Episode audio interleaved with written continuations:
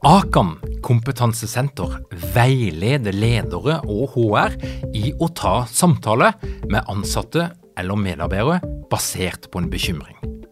Akan setter ledere og medarbeidere i stand til å forebygge og håndtere en problematisk bruk av alkohol, narkotika, legemidler, spill eller doping blant ansatte. Ønsker du å lære mer om god forebygging og gjennomføring av samtale med en som du er bekymra for? Da kan du nå få tilgang på Akan sitt digitale samtalekurs til spesialpris, kun 760 kroner. Målet med kurset er å gjøre deg tryggere i det som kan være en krevende, men viktig samtale å ta i lederrollen. Du får tilgang til kurset med å gå til samtalekurs.no, samtalekurs.no, og bruke kampanjekoden LEDERPODDEN. Tilbudet gjelder ut april.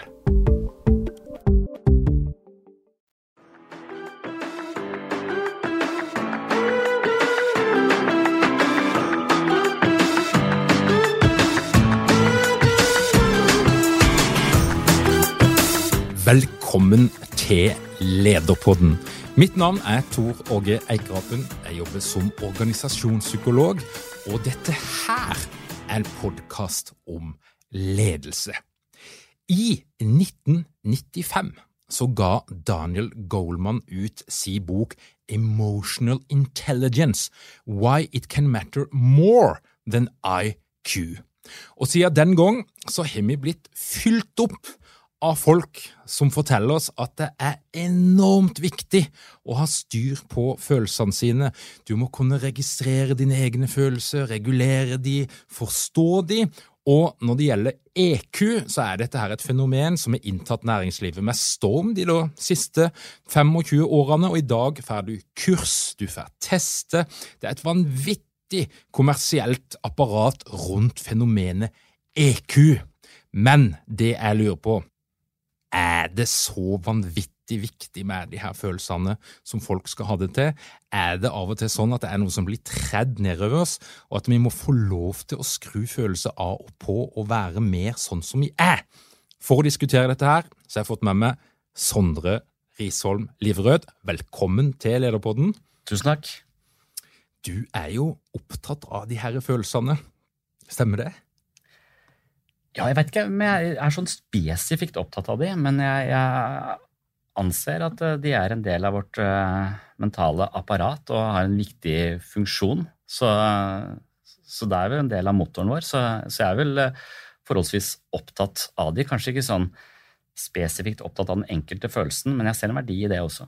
Ja, og i denne boka da, fra Daniel Goldman som kom ut i 1995, så så trekker han jo noen litt drøye linjer sett med dagens øyne. Altså Han lister opp alle slags folk som har gjort dårlige ting opp igjennom, om det er voldtektsforbrytere, drapsmenn og andre, og så peker han på at årsaken til at de gjorde det de gjorde, i stor grad var at de var for dårlige til å regulere følelsene sine.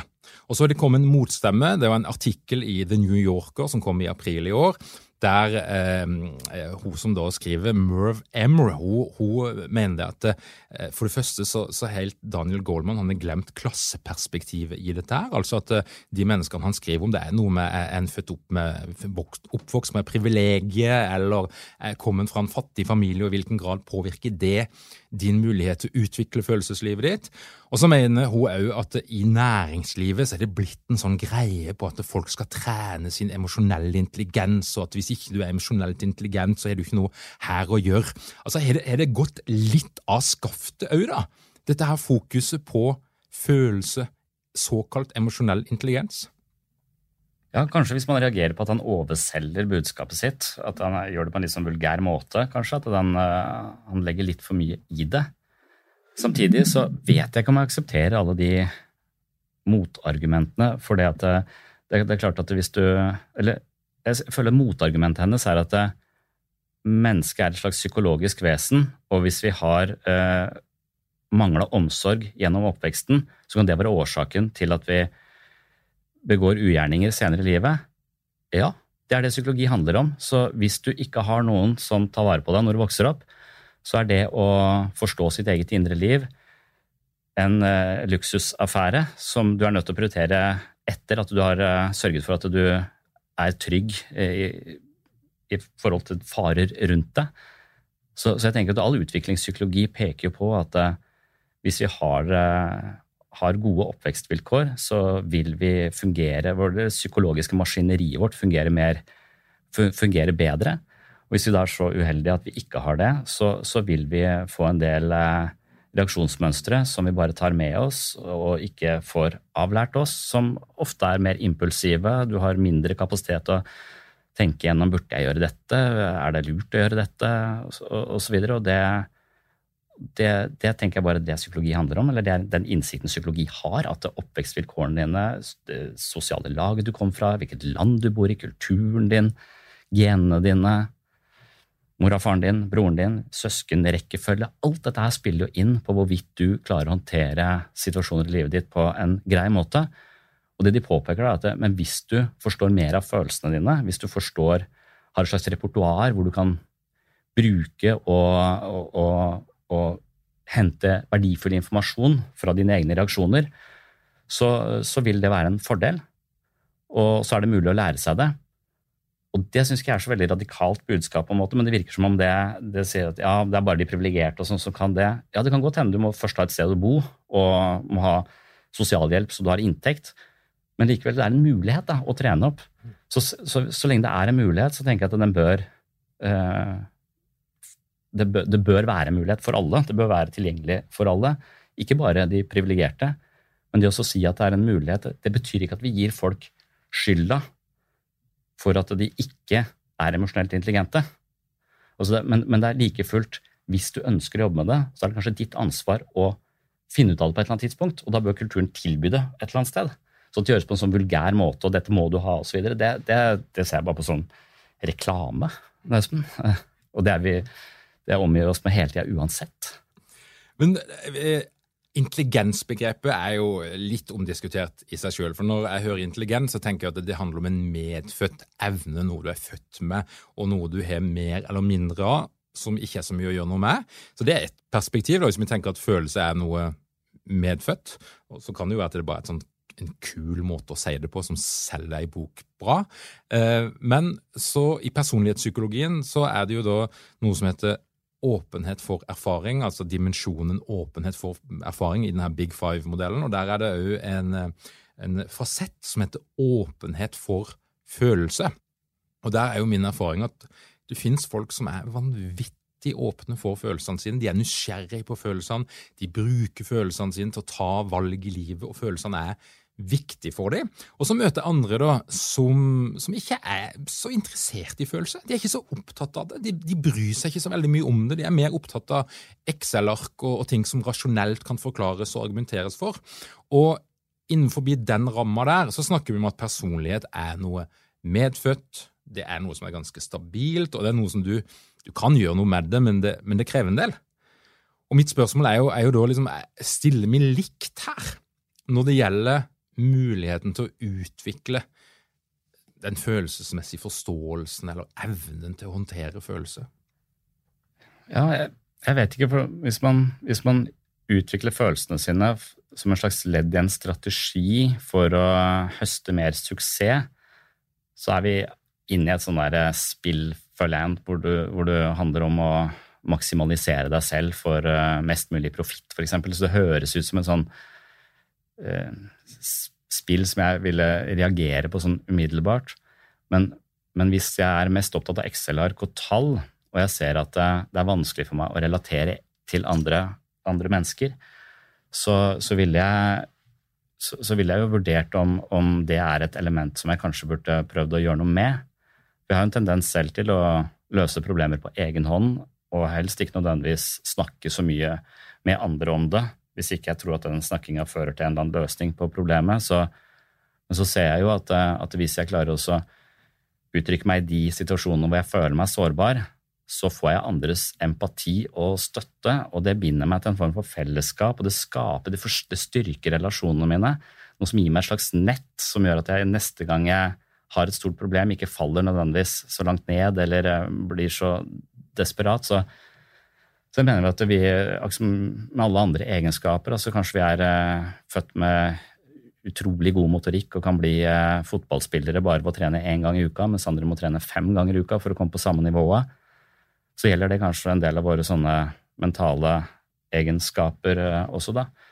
Så jeg, så jeg ville Istedenfor å si ja, jeg må bli ekspert på følelsene mine og trene opp følelsene mine, så, så liker jeg og som jeg syns Brené Brown, som snakker om sårbarhet, har det bare går et skritt hakket bak i det og sier at hvis du bare våger å være sårbar, så, eh, så er denne sårbarheten altså Hun sier at all, all, forutsetning for enhver følelse er sårbarhet. For du, hver gang du uttrykker en, en, følelse, så blottlegger du på sett og vis din sårbarhet.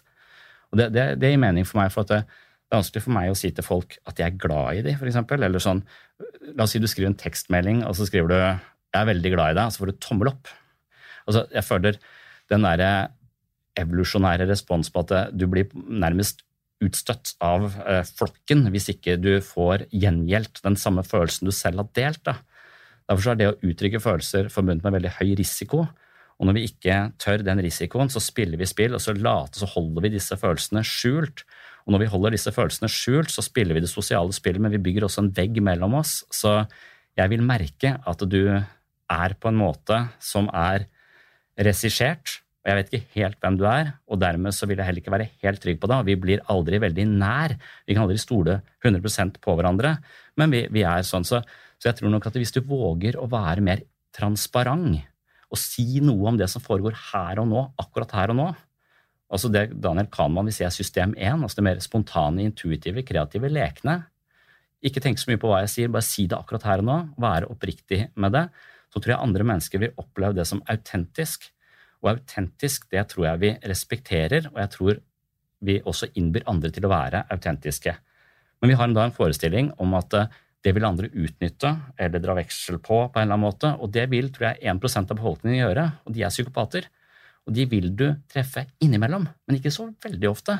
Så hvis du, for å unngå å på en måte bli tråkka på den ene psykopaten du kommer til å møte en av hundre, ikke uttrykker deg i det hele tatt til alle, så blir jo, Jeg tror det er den største kilden til ensomhet blant folk. altså At de holder disse tingene skjult. Så det også da eller være bare mer sårbar altså Istedenfor å i en krangel Når jeg tenker at det, hvis jeg nå innrømmer at det, hun har jo faen meg rett, så taper jeg ansikt. Jeg, jeg, mist, jeg, faller i kurs som menneske. Så jeg skal tviholde på at jeg har rett i denne, istedenfor å si åh, sorry. For da, da tenker jeg at da kan hun bare gni det inn. Hun gjør aldri det hvis jeg tør det, så, så, så, så klarer vi å reparere den konflikten istedenfor at vi eh, ikke snakker til hverandre på to dager. Eller gå, så, jeg tror det å våge oppriktighet, det, det, ligger hakket før. Og hvis du våger oppriktighet, så vil du automatisk ha tilgang til Da vil du våge å være mer spontant til stede i det som foregår her og nå. Og problemet som kan man påpeke, er at system 1, være mer oppriktig, det begår flere feil. Men det vil også være mer lekent og kreativt. Og så tror jeg Brené Brown har rett i at vi lever i en kultur som ikke er spesielt glad i feil.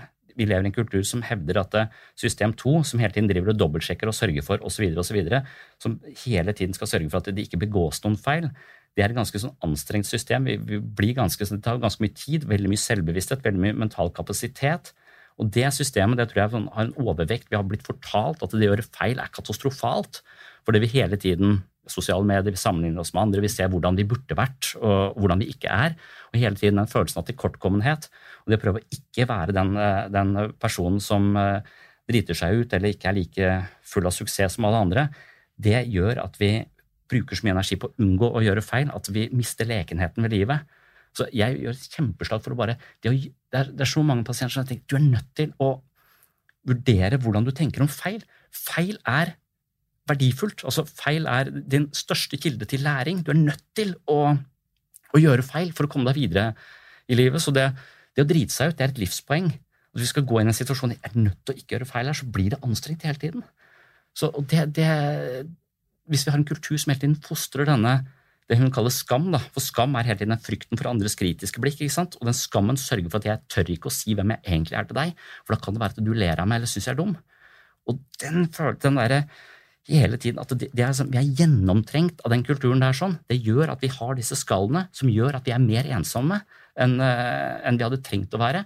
Fordi denne veggen mellom oss i dette sosiale spillet ødelegger så jævlig mye.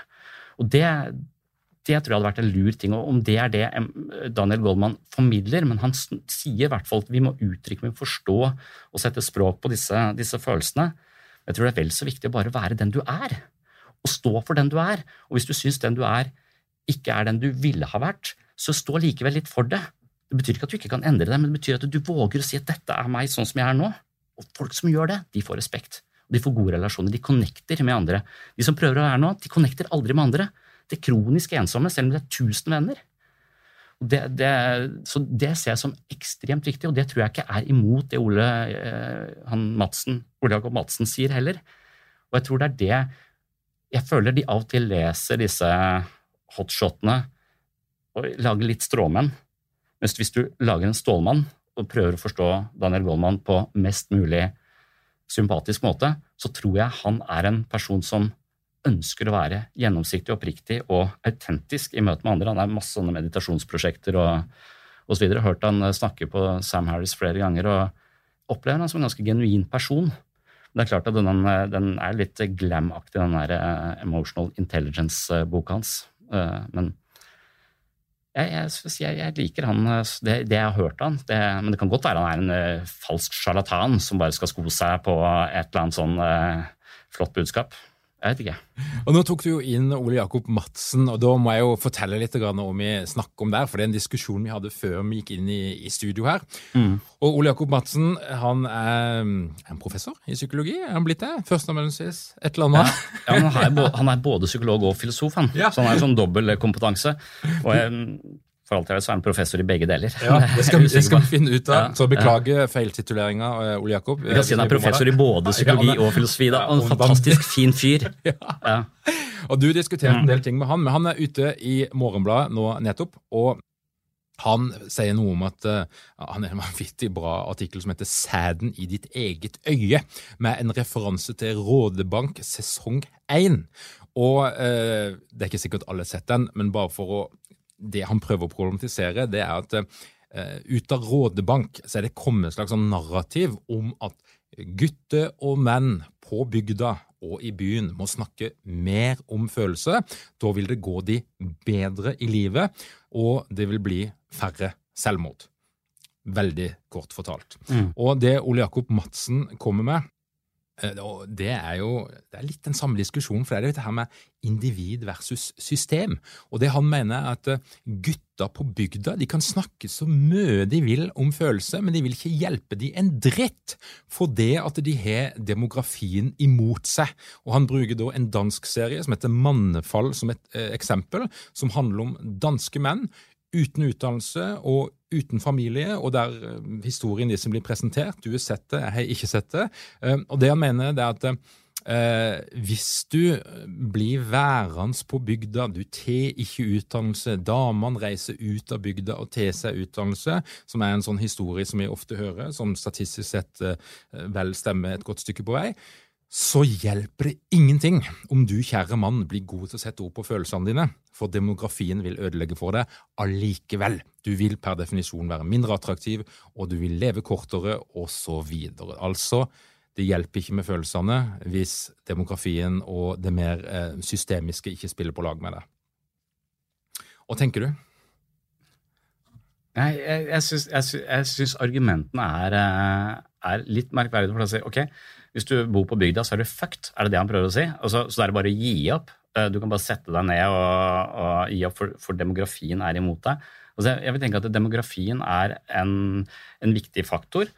Akkurat som eh, hvorvidt du fikk eh, covid eh, i magen var en viktig faktor. Hvorvidt du uh, falt eh, i bakken på vei hjem fra sykehuset er en viktig faktor. Om du fikk influensa det første leveåret, eh, om mora og faren din eh, tok vare på deg, om du bor på bygda eller om du bor i byen, om du bor på Grønland eller om du bor på Tøyen. Altså Alle disse faktorene er med på å skape deg som, som menneske. Og Det betyr ikke at de, de, no, noen faktorer veier tyngre og er mer determinerende, men, jeg, men, likevel så er vel det der psykologiens håp er vel at vi på en eller annen måte kan transcendere disse faktorene til en viss grad. Ikke absolutt, men det kan jo tenkes at det ved å bo på bygda, og du våger å være mer oppriktig og, og gjennomsiktig. For jeg syns Rådebank er et godt eksempel. Jeg syns det virker som om det skal så jækla lite til før de gutta kunne redda hverandre. Og Hvis de hadde bare ikke hatt denne innmari imagen hele tiden, og f.eks. På, på denne jobbsamtalen hvor GT sitter i første sesong der og sitter og og, og, bare på en måte, lager en historie. Jeg har vært litt sliten, har ikke fått sove, har fått tabletter, nå skal få sove, derfor skal han komme på jobb. Han Sjefen han gir han rom. og sier er det noe jeg kan hjelpe deg med? Han er ikke en sånn drittsjef som ikke ville hørt på det. Han er en sjef som ville tatt imot det og prøvd å hjelpe. Han bare sagt tre setninger om at jeg har det jævlig kjipt. Uh, og, og, det er fordi at jeg har blitt dumpa, uh, og det gjør at jeg har en sånn jeg er dritredd for å være aleine, eller at de skal dø aleine. Jeg vet ikke hva han tenker, men det er ingen som veit hva han tenker. Det er ingen som kunne vært med han inn i det landskapet, så han er totalt aleine og skal håndtere alt sjøl. Hvis han hadde sagt tre setninger om det, så hadde det hjulpet. Og han trenger ikke å være, han trenger ikke ha høy emosjonell intelligens. Han kan si name the obvious. Han kan si noe om akkurat hvordan han er. Han våger. Det modige er jo da å si det, virker det som. Det modige, det som er lite intuitivt for folk, er å si det. Kanskje hvis du er et rånemiljø på, på bygda, at de har en kultur der som virkelig har ganske sånne strenge regler for takt og tone og hva man sier og ikke sier. Og at hvis du da hadde brutt litt med den takt og tonen, så kan det være du hadde redda ditt eget liv og en annen sitt liv. Det er ikke sikkert du hadde det, for det kan være fordi de er født på bygda, så er de født uansett. De ville aldri klart å ta imot det budskapet, f.eks. Det kan godt hende. Men det er ikke dermed sagt at det er helt feil å, å, å si at det, La oss si at vi kunne vært mer sårbare som menn, kanskje. Og Det samme med den der Mannefall-serien, som er en fantastisk fin, uh, fin serie, som, som, går veldig sånn uh, historisk til verk ved å forklare mannens situasjon. Altså hvordan det så ut på midten av 1800-tallet, hvor, hvor, man jobba på gården, og foreldre hadde mer felles ansvar for barn. Altså Mannen hadde tilbrakte masse flere timer sammen med barna sine. Og så kommer det en sånn ekteskapslov på 20-tallet som, eh, som, sier at det er mannens oppgave å forsørge kvinnen, og kvinnen skal passe på mannen osv. Og, så og, og så blir det nærmest sånn politisk bestemt at mannen skal ut av hjemmet, og kvinnen skal inn i, inn i hjemmet. Og så, og så, lever vi det en, en, god stund, hvor mannen da i ganske sånne industrialiserte samfunn, ganske harde jobber ute. Hvis du skal drive og føle veldig masse da, så, så er ikke det Da overlever du ikke. Så du må bare prøve å bite deg sammen, holde følelser på avstand og gjøre det du skal. Og så Hvis det blir en sånn ting man må gjøre for å overleve, så kan det hende at det sitter litt i at, at vi ikke nødvendigvis biologisk sett som, som kjønn er så forskjellige, men pga. hvordan vi levde fra begynnelsen av 1900-tallet opp til 60-70-tallet. altså De fem årene ga oss en måte å leve på som vi skjønte etter hvert at dette er jo skadelig. Både for de som er hjemme og for de som er ute. Her må vi få til en annen type, og så prøve å få til det på systemnivå. da.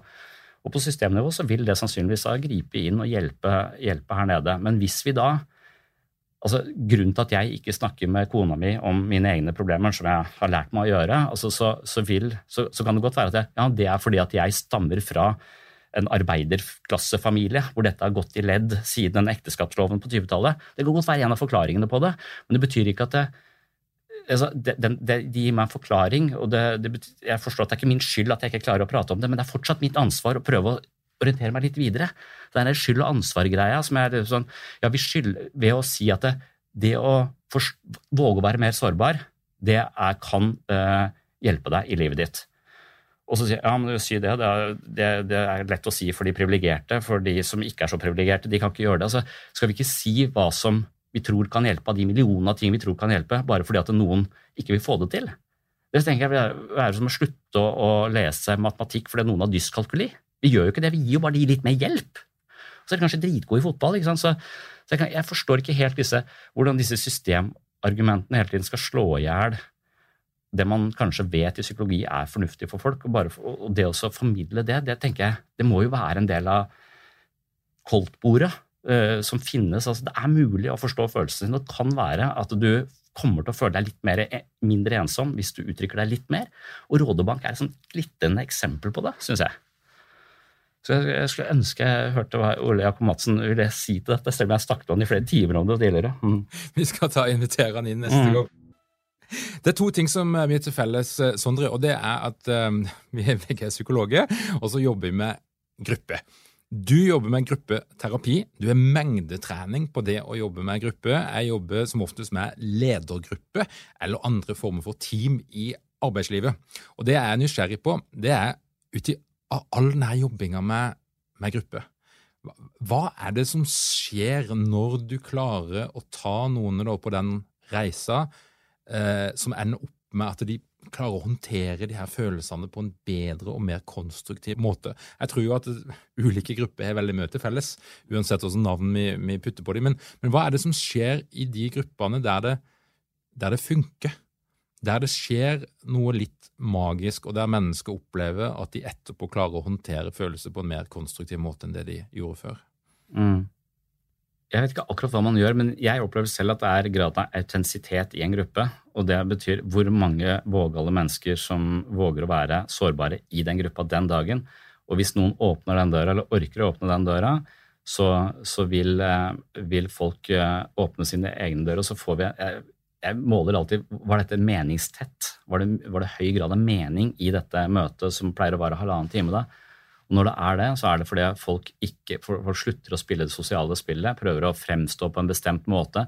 Med en gang folk forklarer den samme varianten av seg selv som de som har tygd igjennom og de liker å presentere til folk rundt, så opplever vi at vi får en historie, vi får en eller annen uh, fasade, og da, da, det skaper avstand.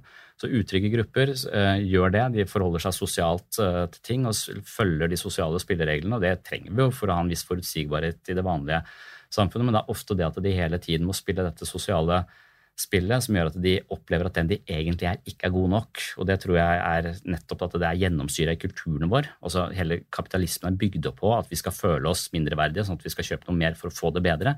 Så denne ideen om at vi aldri er gode nok, den, den trenger vi for å holde hjula i gang, liksom. Altså, så det er jo paradoksalt at vi må, eh, vi må ha lav selvfølelse for å opprettholde det økonomiske systemet vårt. Så, så, at vi har den inngrodd i oss, og noen har den i tillegg fordi at de har fått fortalt av foreldrene sine. Faen, jeg skulle aldri hatt deg, du er, du er bare et makkverk. ikke sant? Det er mange som har den beskjeden også, så det har blitt en del av deres selvforståelse at de ikke er, eh, er, er, verdifulle nok. og Da holder de god beskyttelse for det og prøver å være det de tror andre eh, vil at de skal være.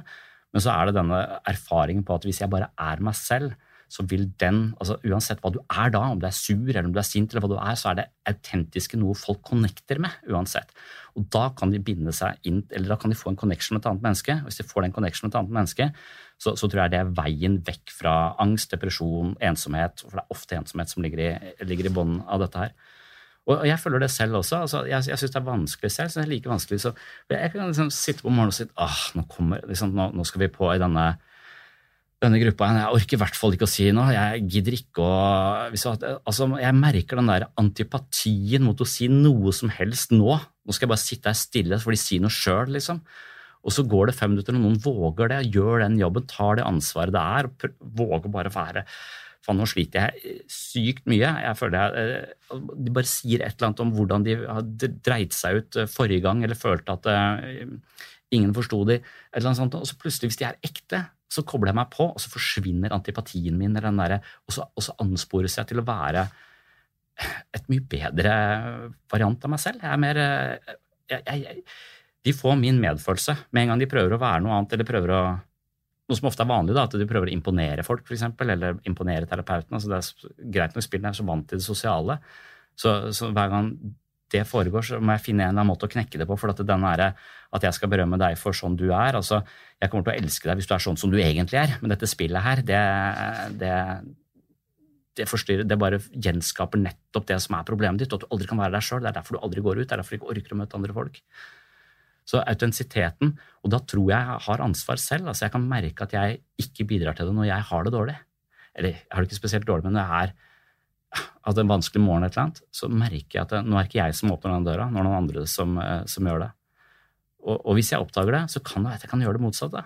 Kan jeg da bare på faen åpne den døra og si noe om det, eh, det selv, fordi jeg har lest at det er, eh, det er, bra? Er det en mulighet for meg? Kanskje noen ganger. Og det, det er vel det Ja. Men da er jeg privilegert, altså. så det så Så, men jeg synes det, det, handler ikke om klasse. Ikke? For ofte, det, det, uansett hvor du kommer fra og du våger autentisitet, så så er det fantastisk, på en måte. Det er vel det som er litt med grunnen til at jeg liker Rådebank. Jeg var veldig opptatt av den Wonderland-serien, de rånerne. Selv om de spiller dette sosiale spillet, så er det et eller annet som de, de er litt, sånn lite pretensiøse. De har ikke det der vanlige der, 'jeg skal være noe Eller jeg vet ikke, det er, det er noe ekte med det innimellom. Og, og den der spontaniteten, den, den ektheten, den, den, griper meg veldig. jeg har en sånn slags forkjærlighet for rånemiljøet, vet jeg, som men selv om jeg ser at det, så blir jeg jo dypt frustrert. Han, når, når, altså han tar jo livet sitt som følge av noe han kunne ha løst hvis han hadde lufta det med noen, ikke GT, men kompisen hans i andre sesong. Så du bare sagt noe om hvordan du har det nå. Faren ville også vært eh, mottakelig eh, for det. All, vi ser det jo, altså det er det den viser oss. Vi ser at hvis du bare våger å si noe av det du absolutt ikke vil si noe om akkurat nå, så er det livreddende. Selv om du bor på bygda. Spiller ikke rolle om du bor på bygda eller om du bor i byen. Eh, da, sånn. Det er kanskje mer kultur for det hvis du har vokst opp i et eller annet sånn derre ja, sånn, eh, Hvis du vokste opp på Nesodden med alternative foreldre som snakker om eh, kjærlighet og blomster hele tida, så kan det være det ligger nærmere deg å gjøre det. Da kan det hende du får andre problemer. Kanskje du får snakke for mye om følelser. Det kan hende det også. Du blir for gjennomsiktig og du får utsvevende og utflytende, og du har ingen sånne rammer for hva som er deg. For du skal ikke bare være totalt åpen. Men, men, det er så mange muligheter her hvor vi ser at dette er en trygg situasjon. Risikoen din ved å si noe om hvem du er nå, du opplever den som skyhøy, men, men, hvis du våger det, så tror jeg du kan vinne ekstremt mye her. Og det er vel litt sånn med, med risiko. Hvis vi våger og risikerer, så, så kan vi vinne ganske mye. Men vi kan også risikere å tape, da. At han ler av det og sier faen, sånn svekling som deg gidder ikke jeg her på, uh, på verkstedet, kom deg ut. Hvem sier det når noen sier at jeg har det dritkjipt, jeg har blitt dumpa og jeg vet ikke hva jeg skal gjøre av meg? Uh, og kanskje de, Når de ikke har noe språk på det heller, så er jo det vanskelig å uttrykke. Og det er kanskje det, og det er da Goldman og disse sier at det, vi trenger et språk på de følelsene. Sånn at vi har noe Det er det redskapet vi har for å vise hvem vi er. Og det er det redskapet vi har for å connecte med andre. Og hvis vi ikke har det språket, så vi, blir vi også tause. Stirrende litt sånn Jeg vet da faen hva jeg skal si, jeg. Og det er jo kanskje fordi du bor på bygda, da, hvis de ikke snakker om følelser på bygda. Vet, vet ikke jeg. altså, jeg vokste opp eh, på en øy utenfor Tønsberg. Det jeg kan ikke si at det er det mest emosjonelt intelligente stedet. Så. Har dykken mange ledere uten trening eller utdannelse innen ledelse? Mangler dykken en felles kultur og praksis for ledelse? Ønsker du å være bedre rusta for fremtidig vekst og endring? Da kan et internt lederutviklingsprogram være en god investering. I Execu så er vi eksperter på å designe og gjennomføre bedriftsinterne lederutviklingsprogram. Hvis du ønsker å lære mer om hvordan vi kan hjelpe dykken til å få enda bedre ledere, ta og klikk deg inn på execu.no.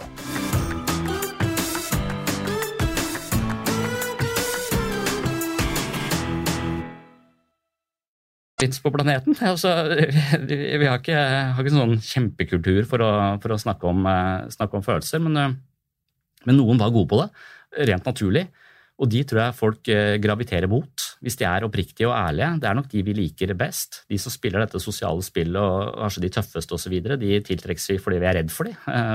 Må holde oss inne med dem. Men de virkelig gode menneskene som gjør en forskjell, jeg tror de er åpne og autentiske. Og da trenger du nesten ikke ha så mye altså, Du trenger kanskje å ha et språk på, du trenger å vite hvordan det er, men noen tror at det å være åpen er å fortelle hemmeligheter fra livet sitt. Det har ingenting med hverandre å gjøre. og Det er altså sånn misforståelse folk har. De tror at hvis jeg er åpen, så forteller jeg en eller annen eh, hemmelig ting som er privat med meg og min familie. Det er ikke det. Altså, det er, du, du, trenger ikke fortelle noen hemmeligheter om, om, livet ditt ved å være oppriktig i den situasjonen du er i. Du kan bare name the obvious, si hva du kjenner på i dette møtet. Si litt om hvor du kommer fra. Jeg kommer fra en kjip morgen og er ganske sånn overload her. Jeg er egentlig ganske sur, og jeg føler jeg er sur på dere. Jeg veit at det sikkert er litt sånn malplassert å være sur på dere, men akkurat nå så irriterer det livet av meg. Men likevel så sitter jeg her. Altså, da vet de hvem jeg så Da har jeg sagt at det, nå prøver jeg å smile, men dere, dere ser jo at smilet mitt er falskt.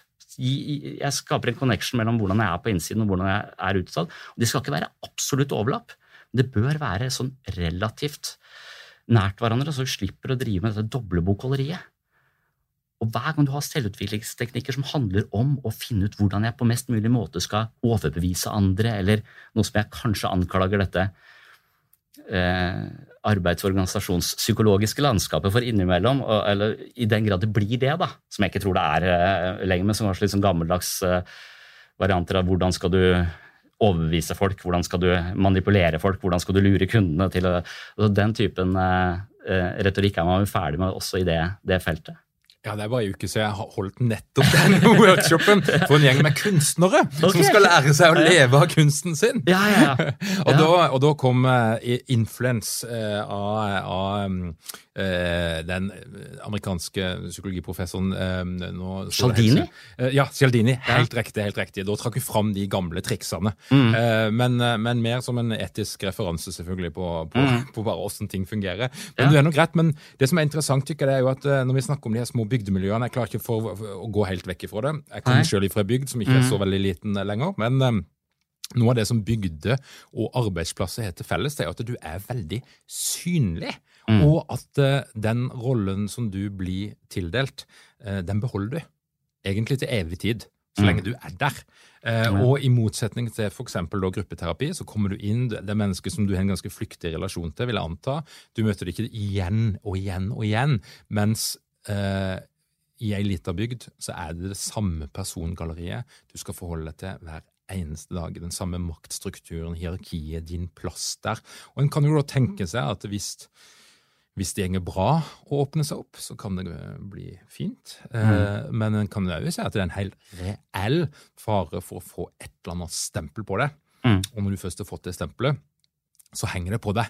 Så jeg mm. tenker at for GT og denne eh, gjengen så, så er det jo et, en reell sosial risiko med å være for åpen. Og mm. det kan godt være at de er sett òg. Eh, altså, altså, det er noen roller som blir tildelt da, da, tidlig i livet, og de, de, har jo en tendens til å stikke. altså Han som er liksom bygdeoriginalen når han er 20 år, han er det når han er 65 og 75 òg. Altså det, er, det er lite bevegelighet i, i, hvis du først har fått deg et stempel. Ja. Og en arbeidsplass kan jo òg være et litt trangt sted på den måten. Eh, hvis du er på det samme stedet og du jobber der eh, i årevis.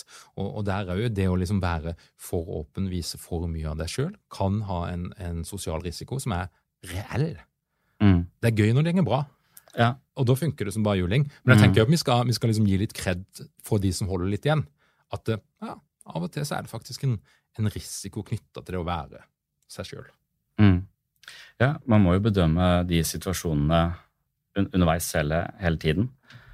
Så, så jeg helt, eh, det er jeg helt enig i. Jeg ønsker man skal uhemma si at dette er noe som gjelder for alle. og Det er vel kanskje det som er kritikken. da, At dette gjelder for alle.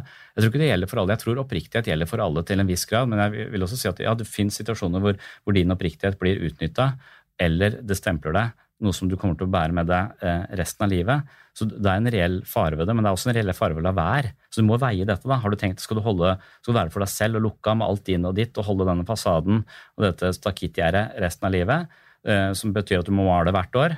Eller skal du, skal du være mer eh, Så, så, så alt, alt, menneskelig er forbundet med risiko, og, og risikoen er vel avvisning, dypest sett, da, eller, eller, eller misbilligelse eller stempler osv. Men, men da vil ikke rådet heller være å si aldri noe, hold alt for deg sjøl. Det, dette må jo, men kanskje er det det som er emosjonell intelligens, å vite når du skal uh, plukke opp cues hos andre, hvor når det er mulig å være en mer oppriktig variant av seg selv og skape en connection istedenfor dette sosiale rånespillet som vi spiller, uh, og, som er en viktig del av det. Og så, og så er det bare den ideen om at du da Ja, du er nærmest fanget av ditt oppvekstmiljø, du er fanget av eh, kulturen din, du er fanget av eh, den norske mentaliteten. Altså alle disse tingene. Det, det, er litt sånn som jeg tenker er sinnssyn. Altså det, det, er greit nok at det er veldig fastlåst for noen. Altså du hadde en kamerat som bodde i Lyngdal, han sier jo at du, du enten, så, enten så blir du kristen, fotballspiller eller narkoman. At det er tre ting som er, det er tre tilgjengelige livsspill da, som du kan gå inn på. Og alt annet enn det vil bli olesett, så da er du raringen. Men hvis du er narkoman eller fotballspiller eller kristen, så er du innafor. eller det er de, det er de tilgjengelige, tilgjengelige, spillene. Men det er nok en sånn Altså, hvordan skal du Det er jo en felle som Hvor, hvor fast er den fella? Hvis du, hvis du forstår fella, har du, da, har du da noe handlingsrom? Det er litt sånn som med, med Daniel Goldman som snakker om alle disse biasene våre, og hvordan vi feilkobler. og hvordan den si, venstre delen av hjernen fortolker følelsene våre. Det kommer an på hva slags operativsystem vi har å fortolke det med. Hvordan anser vi disse følelsene? Hva slags, er vi veldig selvkritiske fordi vi har en veldig selvkritisk narrativt selv? Eller, så det, sånn vi, det er jo hele tiden en slags altså, Hvis du sier at du er fanga av kulturen din, så er det et interessant eh, interessant informasjon, for da kan jeg se i hvilke situasjoner dette spiller inn. Og hvis jeg ser det, så kan det være at jeg kan gå til venstre istedenfor der jeg alltid går til høyre, for det er liksom det som er innprenta i meg. Så jeg tenker at den innsikten er viktig. Og det, og det, er vel psykologi å se at ja, kulturen din, hvis du bor på landet, så kan det være jævla risikofullt å, å være oppriktig, for det har ikke noe livsspill som handler om det. Så plutselig spiller et et annet spill enn det som det er vanlig å spille der, så vil du bli sett på som rar og utenfor, og du føler deg enda mer aleine. Det betyr ikke det er feil å gjøre det, det betyr bare at i den konteksten så er, det, så er risikoen kjempehøy, og resultatet vil nødvendigvis ikke bli så dårlig. Men det å vite om det, det tror jeg er det, det er vel det altså, hvis, hvis, du har den forståelsen for at alt det jeg tenker og føler, til en viss grad er styrt av tusenvis av faktorer jeg ikke er klar over, så vil kultur og demografi og bosted være en av de faktorene som spiller inn. Og hvis du avslører det, gjør det ubevisst og bevisst, så kan det være at det, at det, det kan i hvert fall Da ser du kartet. Og hvis du ser kartet, så kan det være at her er det ingen veier ut. Du er dømt for resten av livet ditt. Ok, fuck, da får jeg bare drite i det, for jeg prøver å investere på andre områder. Men det kan også være at det, ja, du er ganske Men hvis du flytter til nabobygda, eller, eller tar eh, tre år i Oslo eh, på studiet, så vil du eh, kunne bryte den konteksten, få, annen, få noen andre inputs, som vil du kunne flytte tilbake til det samme stedet med en annen form for tyngde og styrke og, og, tro på deg selv som vil stråle ut til de folka som er rundt deg, så plutselig så vil de begynne å se litt annerledes på deg. Det er en vei ut av det. Det kan være en vei ut av det. Det er ikke din skyld at du er fanga i det bygdemiljøet og er sånn som du er. Det er ikke aldri din, din, skyld, men det at det er en årsak til det, det betyr ikke at du, du er, er stuck med det.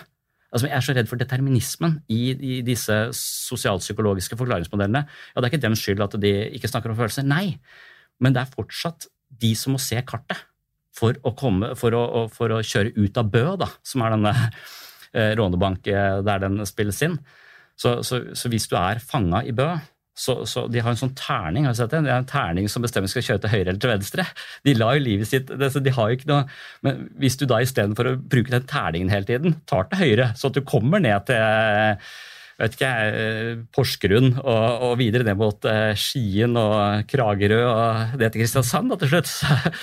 Så, kan du begynne på et universitet hvor du har impulser fra mange steder. Jeg vet ikke om det er en mulighet? Nei, er, jeg tror ikke det er det. Og, og, og, jeg tror det er litt der. Nå er vi inne i en sånn distriktspolitisk uh, greie, nesten. Men, men, jeg tror at det er eh, vanskelig nesten for da, oss som har tatt flytteturen, å forstå at den turen ut av Bø den er helt låst. Altså, det er totalt uaktuelt.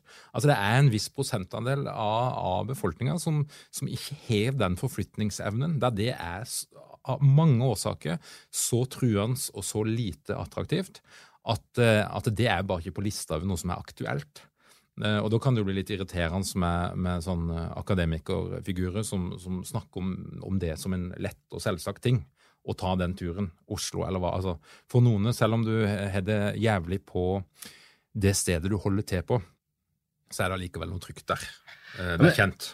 Ok, Men jeg syns det perspektivet er mer sånn nedlatende enn mitt perspektiv. For at jeg, det er ikke som, jeg husker når bestemoren min var sånn 90 år og, og ville diskutere innvandringspolitikk med en uh, familie som var fra Arbeiderpartiet ut mot Venstre, og hun da kjørte noen sånne blå argumenter uh, på, på innvandringspolitikk så var det ja, Hun er 90 år, bare, bare la det gå. Ja, og så smilte mange. De har jo gitt opp. Mens faren min han gikk til motangrep på henne. Sikkert masse sånn psykodynamikk i det også, for det var svigermor. på en måte. Men han følte jeg var den eneste som hadde respekt for argumentene hennes, og sa at ja, du har noen argumenter, men jeg mener du tar feil, og her skal du høre hvorfor. Hvis vi andre bare lot det skure og gå altså du sier det er umulig for det å komme ut. ok. De har ikke... ikke for, meg, bare si, det, ja. for, for, noen, da, ja. så, så, er det, det, det, er en sånn lang og, og mm. en reise som de bare ikke ønsker av ja. så mange grunner. Sånn at det er liksom egentlig ikke et alternativ. Nei, men, men og der tenker jeg det er liksom der er vi jo alltid i en slags uh, lukket tunnel. Vi er jo en virkelighetstunnel hvor vi ser så og så langt. Og, og det å da si at uh, jeg har sett noen andre eh, elementer. Eh, du har noen elementer jeg ikke forstår. Jeg kan gjerne være med oss og se hvordan det ser ut i din virkelighetstunnel, men sånn ser det ut i denne, denne virkelighetstunnelen. Så det å si at det, bare fordi du har tatt en utdannelse, så, så, bør du bare holde kjeft, for du vet ikke åssen det er å være Nei, men fortell meg åssen det er, da skal jeg fortelle deg uh, hvordan jeg tenker man kjører fra Bø til, uh, til Oslo. Jeg har kjørt den, den løypa. Jeg vet, vet, hvor du Jeg kan kjøre for deg. Så, jeg, jeg, vet ikke at det å bare si at nei, men det er helt, helt låst at det var, Jeg kan ikke helt se at jeg skal være sånn Jeg nekter å påta meg den derre Ja, det er bare fordi du uh, uh, det, det å hevde at det finnes masse kart som ingen har sett, og det å anerkjenne at det er 1000 kart jeg ikke har sett Jeg har kamerater som hele tiden skal ha meg med til å uh, spise ulike typer sopp fordi de har sett noe jeg ikke har sett jævlig keen på å se hva de har sett, men jeg er jævlig redd for det også. Det er akkurat som å komme seg ut av Jeg er usikker på Hvis du skyter meg rett ut i et eller annet sånt mentalt kosmos, kommer jeg til å komme tilbake igjen til virkeligheten? Kommer Jeg til å, jeg bor i dette egoet, jeg har disse vrangforestillingene. De liker jeg! De har levd med lenge. Du kan ikke ta alle fra meg på en gang. Da veit jeg ikke jeg, om jeg klarer å stå opp i morgen. Så, så, så, det er klart at jeg er også livredd for å skifte virkelighetstunnel, akkurat som alle andre. Eh, men jeg er glad for at de forteller meg om det. Jeg er glad for at de prøver å motivere meg til det. Eh, så det, jeg er glad for at folk motiverer meg til å begynne med en form for rusmisbruk. Det, det syns jeg er uh, hyggelig gjort av de. Akkurat som jeg syns det er hyggelig gjort av Jehovas vitne å komme på døra og prøve å fortelle meg en sannhet som jeg ikke abonnerer på. Men de gjør en innsats. Uh, fordi de forteller hvordan, de viser seg åssen det ser ut her, så er det mitt valg, da. Og, ja. Der, ja, der er mye å lære av det. Altså, det er en fantastisk positiv innstilling. Ja, ja jeg, tenker, jeg, tenker, at det, for, for, Når jeg sier mitt mantra er at alt du tenker og føler, er feil. Ja. Men det gjelder jo meg selv også. Derfor er den setningen feil. Mm. Og Det er jo ikke en setning jeg mener er sann, at alt vi tenker og føler, er feil. Men det er en slags intuisjonspumpe som skal få deg til å tenke at det, alle de konklusjonene er helt umulig å flytte herfra. Jeg tør ikke, for jeg, jeg kan aldri bli noe annet. Eller, eller bare det å bli værende i Bø og skape et meningsfullt liv på litt andre premisser enn det som lå tilgjengelig for deg, som, som var eh, meisla ut i, i, i, kulturen din, men, men kanskje altså, være, ha troa på at du kan skape ved å være her og gjøre noe litt annet, kanskje kan få hele, hele miljøet rundt deg til å endre bitte litt kurs. Da. Jeg tror ikke du skal revolusjonere det. Da er du som Martin Luther King eller Gandhi eller et eller annet sånt, som virkelig bare får en hel kultur til å vokse opp på et helt nytt nivå. Eh, men, eh, eller Jesus, for den saks skyld. Altså, vi trenger ikke det, men men det å si at det er en mulighet, det er jo en vei ut av Bø. Du kan jo si at det er, ser helt umulighet. Det, det, kan godt være den ser helt umulighet for det der du står. Men det er jo det er jo bare å komme seg ned på E18. Det, det, det, er jo fysisk mulig, tenker jeg. Eh, og den der, ja, det er lettere sagt enn gjort. Det er noe vi bare sier for å unngå å møte vår egen frykt. Vi skal, vi skal ut av Bø litt, og så skal vi inn i eh, gruppa. For det jeg lurer på, for å legge til rette da, for at folk skal tørre å være autentiske altså Hvis du kommer til gruppeterapi, så er det en grunn til det. Og det, det er en ganske smalt uh, nåløye bare å få lov til å komme inn. Du skal ha det ganske mm. vondt og vanskelig for å få lov til å bli med i gruppa til, til Sondre. Hva er det du gjør for noe, da? Åssen er det du stimulerer ei gruppe til å oppleve tilstrekkelig trygghet til å kunne være ærlig, åpne seg, vise sårbarhet? Ja, I utgangspunktet så tror jeg overselger det litt, sånn som Daniel Goldman gjør. Sier at det er helt sjukt uh, bra. Men uh, så prøver jeg å unngå å være en, en profet eller en eller annen sånn uh, grandios, narsissistisk guru-psykopat som mener at alt det jeg mener For jeg tar hele tiden inn over meg at alt jeg tenker og føler, er feil. Det er sånn grunntone i alt vi, alt vi driver med. Så, så jeg, men i utgangspunktet så prøver jeg å tenne folks interesse, fordi jeg mener de er nødt til å ha en slags håp om at de kan bevege seg i en eller annen retning, og ikke et håp om at jeg skal flytte de i den retningen, men at de selv kan ta den svingen til venstre istedenfor til høyre. At det skal være en mulighet, og at hvis du forplikter deg i et fellesskap hvor du møter andre som sitter i samme hølet som du har sittet i lenge, og som du kanskje kan være med og hjelpe, og som kan hjelpe deg altså det, Hvis vi klarer å få til en slags kultur Eh, hvor vi ønsker å leve med bedre livskvalitet, eller ha det bedre med de folka vi har rundt oss, så, så er du på, på, rett sted. Så, så, først så kjører jeg nærmest en slags motivasjonsintervju, uh, eller hvor jeg bare jeg overselger det litt, og så gjør jeg det litt vanskelig å komme si at jeg, jeg gidder ikke å prøve å hjelpe deg hvis du har kjempemye motstand. Hvis du tror at det er umulig å komme ut av Bø, så får du bare være i Bø. Altså, Jeg mener det er annerledes, men, men da, får du, da, får du, da, får du, snakkes hvis du tror det er en, en, mulighet. Det er litt sånn som eh, hvis du kommer til meg og drikker for mye og sier at jeg er villig til å gjøre hva som helst for ikke å bli alkoholiker, eh, bortsett fra å slutte å drikke, så, så Nei, det, det, jeg tror det inne, du er nødt til det, da. Uh, på en måte. Så først overselger jeg det, sånn at folk blir interesserte. Og så etterpå så, så prøver vi å skape den tryggheten som skal til da, for å våge å være eh, sårbar. Og da føler jeg selv at jeg også må være ganske ekte. Men når jeg er ekte, så er jeg ganske bombastisk og trangsynt og, og direkte. Så jeg er ikke nødvendig Jeg er en sånn i utgangspunktet en dårlig terapeut, tror jeg. For, at, eh, for at jeg må justere ganske mye på, i mitt system igjen. Hvis jeg er naturlig til stede som den jeg er, så er jeg en slags uh, storm, på en måte. Jeg, jeg, jeg blir en sånn jeg blir som å være i rom med en orkan. Og, og, når en orkan driver og virvler rundt deg, så er ikke det akkurat du letter på sløret eller eh, åpner jakka. Det er ikke det som er naturlig. Så, så det får jeg tilbakemelding på, og da tenker jeg at det, det, kan jeg prøve å tenke på. Prøve å roe meg selv ned og, og være mer eh, eh, mer in tune da, med den gruppa som er rundt meg. Men så har jeg heldigvis kollegaer som er så in tune med det, og som hjelper folk til å føle en form for tilhørighet. Eh, og det er vel det som vi har snakket om med deg tidligere, at terapien går på det å føle at folk her her lever ikke av deg hvis du gjør sånn og sånn. eller Her, øh, men, men, det er hele tiden en grense, grenseoppgave. Hvis det blir for trygt, så, det, så, sitter vi ofte fast. Vi må ha den bevegelsen, vi må tørre den bevegelsen, vi må svinge til høyre og komme oss ned på E18. Så, så det er nok der jeg driver på da, og sier hvis ikke du svinger til høyre nå, så skyter jeg deg i foten. Uh, og da svinger jo folk uh, til høyre. Og jeg prøvde å si hvis ikke, hvis ikke du svinger til høyre nå, så dreper jeg deg. Det er greit, jeg har lyst til å dø. Så, jeg, så jeg, ja, ok, men Da skyter jeg deg i foten så du ikke dør, men det er jævlig vondt. da. Svinger du da? Ja, greit, da. Da svinger jeg. Eh, så, så jeg er litt den, den kraften der også. Uh, som, uh, men, men, da har de jo gått inn på og skjønt at jeg, jeg vil dem ikke vondt. og jeg, jeg, er ikke fra Jehovas vitne, jeg skal ikke overbevise dem om en eller annen form for ideologi. Jeg skal bevise at det, det, du har gjort nå hele tida, vi er nødt til å prøve å gjøre noe annet. i hvert fall. Svinge litt til venstre når vi alltid har svingt til høyre.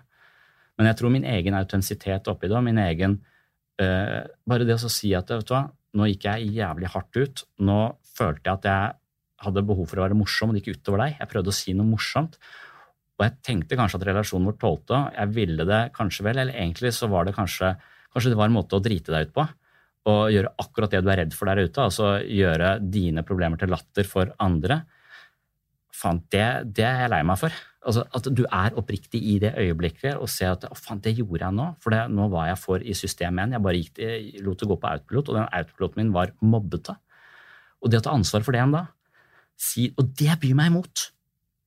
Det, det, det, er akkurat det alle må gjøre. Det er akkurat det å si det. Faen, det, er ikke så ofte jeg gjør det, men jeg, har, jeg, jeg, tenker at det må jeg jobbe med eller gjøre. Så, så være så autentisk som mulig selv. Og, og, og hvis man hvis man gjør det, så, så, tror jeg man skaper en ny kontakt med det mennesket. Hvis man later som om nei, det var ikke det, du tar det ille opp, det var ikke sånn ment, så, så tror jeg at bare du skaper den avstanden som nettopp bare vi ikke reparerer noe som helst. Vi bare gjentar det mønsteret hvor du blir gjort til latter for andre, eller et eller annet, et eller annet sånt. Så det er, det er, Hvis ikke du våger å være sårbar selv og tror at du bare kan sitte og analysere og være helt uavhengig av dette her på din høye hest, da tror jeg du eh, ikke kommer så veldig langt. For da er du hele tiden i system to. Du er ikke autentisk. du er hele tiden i denne, Og det er jeg mye da. Jeg vurderer meg selv også. Jeg tenker ha, det der kommer ikke fra et bra sted. Og hvis jeg da ikke driter ut en person, men sier noe annet, så føler jeg vunnet litt. Da er jeg klart å, å se at ah, der går du ofte i de fellene. Du liker å være morsom, du prøver å være morsom. Nå går du på den bekostningen. Og så, og så klarer jeg å korrigere for det. Så tror jeg kanskje at den derre system 2 som er Kanman sitt sånn reflekterende selv, da, som, som, sier at ah, den autopiloten der sånn, den burde justere litt, for den er ikke spesielt terapeutisk, og den gjør skader folk. Og det er jeg ikke interessert i. Jeg er ikke interessert i å være en person som skader folk. Så hvis jeg kan langsomt uh, kjøre til høyre der hver gang jeg naturlig for meg å kjøre til venstre, så tenker jeg at jeg endrer meg litt. Og det, det, ja, det håper jeg hele det, det er en mulighet. Men nå kommer jeg fra uh, Tønsberg, uh, som jeg føler da er et sånn mobbete sted. Uh, så pga. min kultur så er jeg en mobbete uh, person, og derfor kan ikke jeg klandres for dette, og har heller ikke noe ansvar for å endre det. Det er Tønsbergs skyld. Kan noen forandre Tønsberg for meg? Morten Ramm han er jo fra Tønsberg og jeg er litt av den samme greia. så Jeg kjenner det igjen. Jeg tror du er helt rett i dette. her. Det er systemet og det er oppveksten din ja. som gjorde deg sånn. Men, jeg, jeg og Morten jobba sammen i psykiatri før i tida. Akkurat. Ja. Det skal, mm. det skal, han få lov til å snakke om på et tidspunkt. Det har han mm. kanskje gjort òg. Det vet jeg ikke. ja. Men uh, um, du er jo òg teamleder, og du underspiller litt altså at du har en lederfunksjon. Og, og, og det, men det er nå engang sånn at du, du, ser andre typer grupper enn terapigruppa. Mm. Og hvis du skal prøve å, å zoome litt ut, hva er det viktigste du trekker med deg fra det å jobbe med terapigrupper inn i de gruppene som handler om at det er du og en gjeng med kollegaer som skal få til et eller annet sammen? Ja um, Jeg tror alt er litt likt der. Altså at jo, jo, mer jeg slipper å kjøre et eller annet sånn dobbelt uh, og name the obvious også i, uh, i gruppa, så opplever jeg at vi har en gruppe som er veldig, veldig Vi er seks stykker, og vi er veldig tett. Jeg føler ikke at det er noe, nødvendigvis noe lederskap. Er en, uh, vi, er, eh, vi har alle ulik utdannelse, vi har alle ulikt, ulike perspektiver på ting. Og det at vi hele tiden jobber sammen, det gjør at vi lærer, og vi krangler ikke om den riktige sannheten om hva som er terapi, og hva som ikke er terapi. Vi, vi, anerkjenner at det er 1000 måter å bli deprimert på og 1000 måter å komme seg ut av depresjon på, og at de som kommer hit, bare har sett én av 1000. Så da har vi masse å, å, å tilby, og mange veier ut av, ut av Bø. Da. Så, så det å være nysgjerrig på det, våge å lære av, av, de andre, ikke agere som noen eh, ekspert, men eh, også, eh, som jeg u, ikke liker så godt, at du, når det er vanskelige ting, så skal jeg liksom ta den siste avgjørelsen. Da, eller da, da må man gå inn og bære det, det ansvaret. Og, og, det er vel det som er å være en leder, og det faller meg litt sånn tungt. For jeg føler nå bærer, skal jeg bære alle posene. Så skal det plutselig bare, så, jeg syns det er litt urettferdig, sånn som barna mine uh, sier. Men så skjønner jeg at det er en del, og det, altså det gjenspeiles eventuelt i lønna. da. At, at, du skal i disse situasjonene bære noen, noen, flere poser. Men så opplever jeg at jo mer ansvar de andre føler de har, jo mer frihet de føler de har, jo bedre jobber de, og jo flere poser bærer de, så jo mindre er det å bære på meg. Så det er veldig sjelden jeg bærer uh, tungt på, på, jobb. Da er det mer sånn overfor barn at jeg skjønner at det, her må jeg ta dette valget. For Hvis jeg hele tiden skal gi de det valget, så vil de kveles under dette ansvaret. Så her skal jeg bestemme, og de kommer til å dytte på meg og si at du er dum og, jeg, og sånn, fordi jeg tar det valget. Men jeg, men jeg skjønner at jeg, at jeg, må sette meg i den posisjonen fordi jeg har valgt å bli forelder. liksom. Det, det får jeg ikke betalt for heller. Det koster jo egentlig ganske, ganske mye. Så det er, det er med på den, den, den, banen jeg tenker at her må jeg liksom ta meg sammen og tenke et slags lederskap. da. At nå må jeg bære at vi dro hit, selv om dette ble feil å dra hit. Men det er mitt ansvar å ikke skylde på de, eller eh, Ja, så vet ikke, den eh, det er, det er kanskje derfor jeg skyr lederrollen litt også. Jeg har ikke noen sånn lett litt sånn, syns det er urettferdig at jeg skal bære alt. det er ikke noen naturlig leder. Men, men jeg tror nok at det, i, i, den grad jeg slipper å være leder, så er det også fordi at jeg har en veldig sånn anerkjennelse av alle. Jeg veit at alt jeg tenker og føler er feil, og alt de kan fortelle meg om det, det er jeg interessert i. Jeg er interessert i hva, hva de har, og jo mer frihet jeg opplever at alle har, og vi har, jo mer, jo mer kreative er vi, og jo mer åpne er vi, jo mer vågale er vi. Vi tør flere ideer. Uh, så det er vel, eh, ja. Hvis jeg skal bestemme hvilke ideer og hvilken kurs vi skal ha hele tiden ut av Bø, så, eh, så, så, tror jeg at de kanskje, i og med at jeg er som en virvelvind, ikke ville sagt så mye. Sagt bare sitte på bak, i baksetet og blitt litt sur etter hvert. For han jeg ville kjørt annen vei. Det her tok to timer ekstra bare fordi du tok helt, alltid kjører ditt løp. Det føler jeg er eh, det, det, tror jeg ikke jeg gjør. Jeg tror at jeg av og til setter meg i baksetet og sitter på. Og stoler på at den, den veien, er, veien er god. Og akkurat fått en fysioterapeut som har et helt annet blikk sant, på hvordan vi har kroppen vår. Hun driver og analyserer hvordan jeg går. Jeg ikke, men hun tør ikke å si hvor, altså Jeg går på en spesiell måte. Jeg er ganske, men hun, har ikke, hun er litt sånn, ikke godt nok kjent med meg at hun tør å si, gi meg en direkte tilbakemelding på den måten å gå på. Det tyder på det og det. For jeg har alle kollegaer som går som et spøkelse. Hun, liksom, hun beveger seg rundt som en sånn Hun flyter. Og Det har også en eller annen årsaksforklaring, vi har ikke helt fått det ennå. Så dette her er det masse selvinnsikt vi ikke har blitt tildelt ennå, for hun er litt for eh, forsiktig. Så jeg gleder meg til at du skal fortelle oss eh, hva det er med min måte å gå på. Da skal hun gjøre seg sårbar og skal utsette seg for sosial risiko, så da er vi i gang igjen. Ja, for det hun risikerer altså, Nei, det er ikke at jeg blir sur på henne. ikke sant? Og, og i og med at hun ikke tør det, så har jeg kanskje ikke utstrålt nok at jeg blir ikke sur på deg. Du skal få lov til å si det. Jeg skal tåle det. Og hvis jeg blir sur, så kan jeg si ok, det der syns jeg er fornærmende, men, men greit. Men skal, vi skal rydde opp i det. Det skal være mulig. Sondre, før eh, du slipper ut av det studioet som nå begynner å bli Mm. skikkelig godt eh, og varmt, Mm eh, så er det jo sommer og ferie på vei her, og du er jo en fyr som mange ringer til fra media, og, og der du skal komme med ekspertuttalelse om alt mulig rart. Og hvis vi nå ser for oss at noen ringte deg og spurte ja, hva, hva er liksom psykologens sommerferietips, hvordan skal du slappe av og sørge for at du virkelig kommer uthvilt tilbake igjen eh, ifra denne eh, sommerferien som vi bruker store deler av året å snakke om, og, og, og er tipset ditt? Jeg har ingen gode tips på det, for det er, noe av det vanskeligste jeg gjør. For det første skal jeg ut av alle rutinene, og når jeg er ute av alle rutinene, så blir det vanskelig for meg å tenke de tankene jeg trenger å tenke. For det er ikke som at jeg bruker rutiner til å være fri. Så når jeg ikke har de, så, så legger jeg nye planer. Så jeg har veldig tydelige planer på hvordan jeg kan eh, skape minst mulig konflikt mellom familiemedlemmer, sånn at vi, så, så jeg har eh, turer i hodet vi skal på, og jeg vet omtrent hvor langt vi bør gå før vi må ha eh, en Kvikk Lunsj eh, for å opprettholde motivasjon og god, god stemning. Så jeg er veldig glad i å være sammen med barna mine når det funker og vi er liksom på lag og gjør noe. Mens eh, det å tenke at de skal leke for seg selv og sånn, det trener vi mye på, men det er jeg dårlig på. Så, så jeg liker å, at jeg er sammen med de, enten om vi spiller fotball eller har en aktivitet, så jeg legger opp til at det hver dag er en eller annen aktivitet sammen med barna som, eh, som vi har planlagt litt på, på forhånd. Da. Det kan være å bade eller fiske krabber eller eh, et eller annet som jeg selv også liker. For med en gang jeg må, eller ved en gang vi blir sittende inne for lenge uten at noen gjør det, så for det første så fanges vi av algoritmene til Google og, og Apple, sånn at vi sitter på iPaden hele tiden og råtner på rot. Så, så jeg føler jeg kjemper en kamp mot de algoritmene der sånn, at det er eh, min oppgave som leder å sørge for at vi kommer oss ut, uansett vær, eh, og gjør noe annet. Så, så jeg er ganske, jeg er, jeg er ikke, jeg er ikke noe ferieinnstilt. Jeg er mer sånn, nå må vi ta oss sammen, for nå skal vi gjøre nye ting.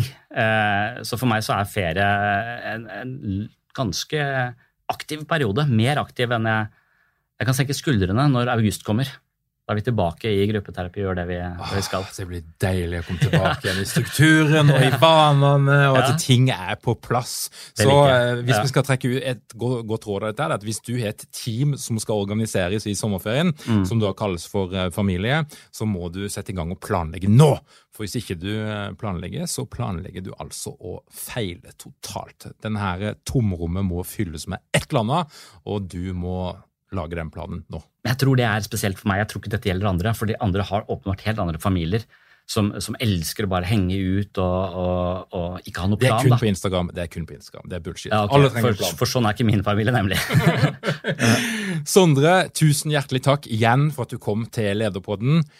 Jeg glemte jo liksom å fortelle litt hvem du er, for nå er, nå er du, du er, du inhouse her. Men eh, til de av dere som ikke kjenner Sondre Sondre Risholm Liverød han er psykologspesialist, han er forfatter, og han driver Norges største podkast innenfor psykologi. Sinnssyn, sjekk den ut.